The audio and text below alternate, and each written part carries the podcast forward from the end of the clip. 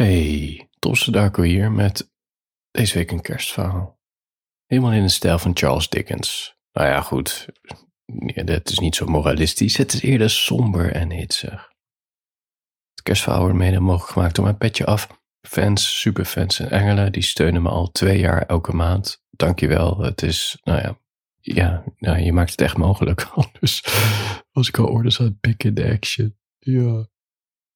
Als je wil voorkomen dat ik orders ga pikken in action, petjeaf.com slash Darko. Steun en je ontvangt elke ochtend, in ieder geval elke werkdag, inspirerende melancholische teksten in je inbox. Echt, ik schrijf van alles en nog wat. Je kan, net zoals mijn uh, fans en engelen, al die mails gebruiken om het op verjaardagsfeestjes, uh, ja, nou ja, de slimste en de interessantste persoon uh, te worden van de avond. Snap je? Gewoon van die inzichten waar je echt wat aan hebt, waar je over na gaat denken. En het is ook een spiegel. Soms confronterend, vaak lachend. Nou ja, het is van alles en nog wat. Goed. Het kerstverhaal. Het gaat over Jacques en Peter. Jacques en Peter hadden drie jaar geleden iets, zo'n beetje onduidelijk wat, maar er was iets. En opeens verdween Peter van de radar. Jacques kwam er een jaar later achter dat hij getrouwd was. En nu, drie jaar later, vraagt Peter: Kom je even langs? Jacques zegt waarom ook niet. Ze neuken wat, ze lopen wat door het stadje Utrecht heen. Er is wat spanning tussen die twee. En de vraag is nu, hoe loopt het, uh, hoe, hoe, hoe, loopt het af? Peter zei, ik wil je graag blijven zien. Jacques zit nog meer van, yo, je hebt me toch drie jaar geleden in de steek gelaten. Wat is dit? Je bent nog steeds getrouwd. Wat wil je van me? De titel is van het verhaal, de ontkenningsfase kan je hele leven duren. Als we uit eten gingen, schoof Peter altijd de stoel iets naar achteren om mij te laten zitten. Vervolgens knepen zijn handen zachtjes in mijn schouders, waarna hij tegenover me ging zitten en me een knikje gaf. Elke keer weer vlinders in mijn buik. Toen we uit eten gingen met Samantha, schoof hij mijn stoel weer naar achteren, liet me zitten, kneep in mijn schouders. Daarna liep hij naar de stoel van Samantha toe, liet haar zitten, kneep in haar schouders dat stak. Zijn handen op haar schouders. Geen kleine kneep, maar een veel te lange kneep, die zij in heel haar lijf moest voelen. In de kledingzaak waren de uren tussen twaalf en drie het fijnst. Niemand op de werkvloer. Alle tijd om met Samantha te kletsen. Elk weekend weer. Maandenlang leken we aan een vriendschap te bouwen die tot onze dood vol was te houden. Misschien wilde ik te graag een beste vriendin voor altijd. Iemand die me bewonderde om mijn gedachten, mijn kledingkeuze en mijn ambitie. Aan wie ik alles kon vertellen wat ik met mannen uitspookte. Dan lagen we op mijn kamer op de grond, met zachtjes wat muziek op de achtergrond, een klein bureaulampje aan, en dan fantaseerden we hardop met welke mannen we seks wilden hebben en hoe dat zou zijn. Mannen die we kenden, mannen van de tv, mannen van de muziekbandjes. Het was vooral ik die praatte. Ik was me er bewust van en troostte me met het idee dat onze vriendschap gewoon zo was. De een luistert altijd meer dan de ander, toch? Zoiets kan moeilijk in balans zijn. Peter was een vaste klant van de kledingzaak.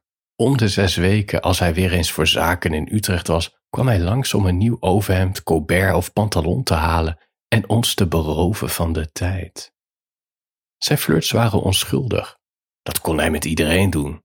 Tot hij me na het afrekenen een visitekaartje gaf en fluisterde: App me. Samantha kreeg elke minuut die ik met hem doorbracht uitgebreid te horen.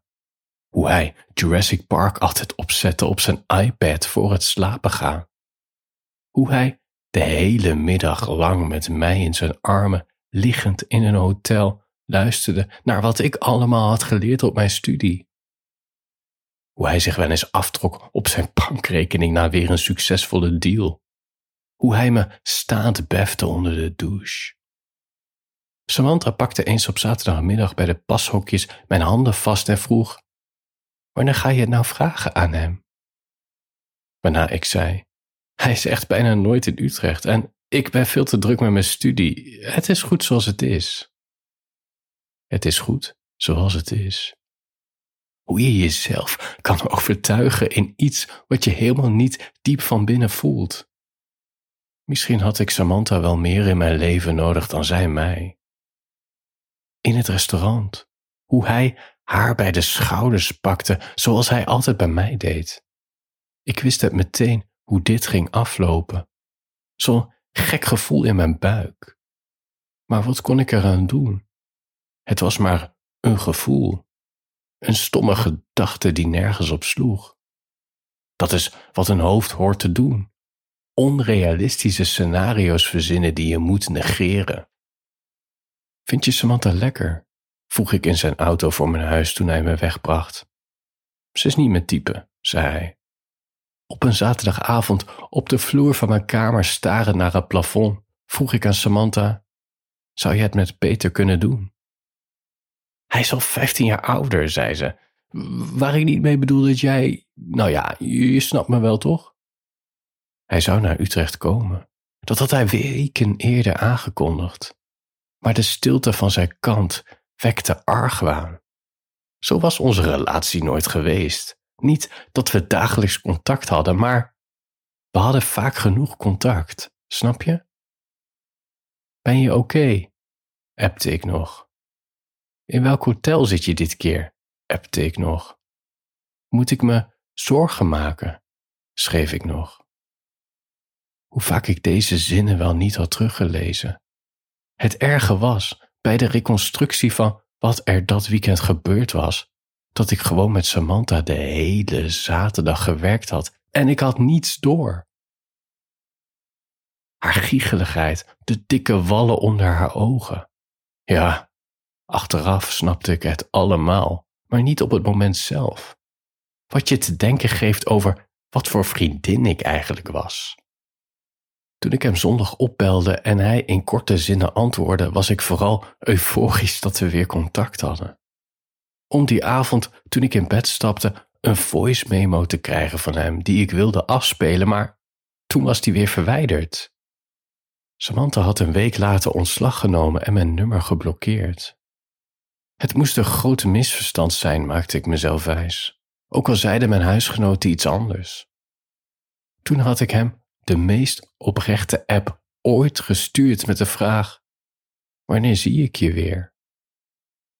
Na een jaar wachten was ik nog steeds diep van binnen ervan overtuigd dat het een misverstand was. Tot ik op Facebook een foto zag aan het strand in Spanje. Ze leken zo zielsgelukkig, dat was het erge. De pretoogjes bij hun beiden. Dat was het moment waarop je weet dat er nooit een toekomst samen was geweest. Wordt vervolgd. Ja, nog eentje en dan is dit verhaal voorbij. Och, vervelend nou. Of je gaat naar petjeaf.com slash Slaap lekker.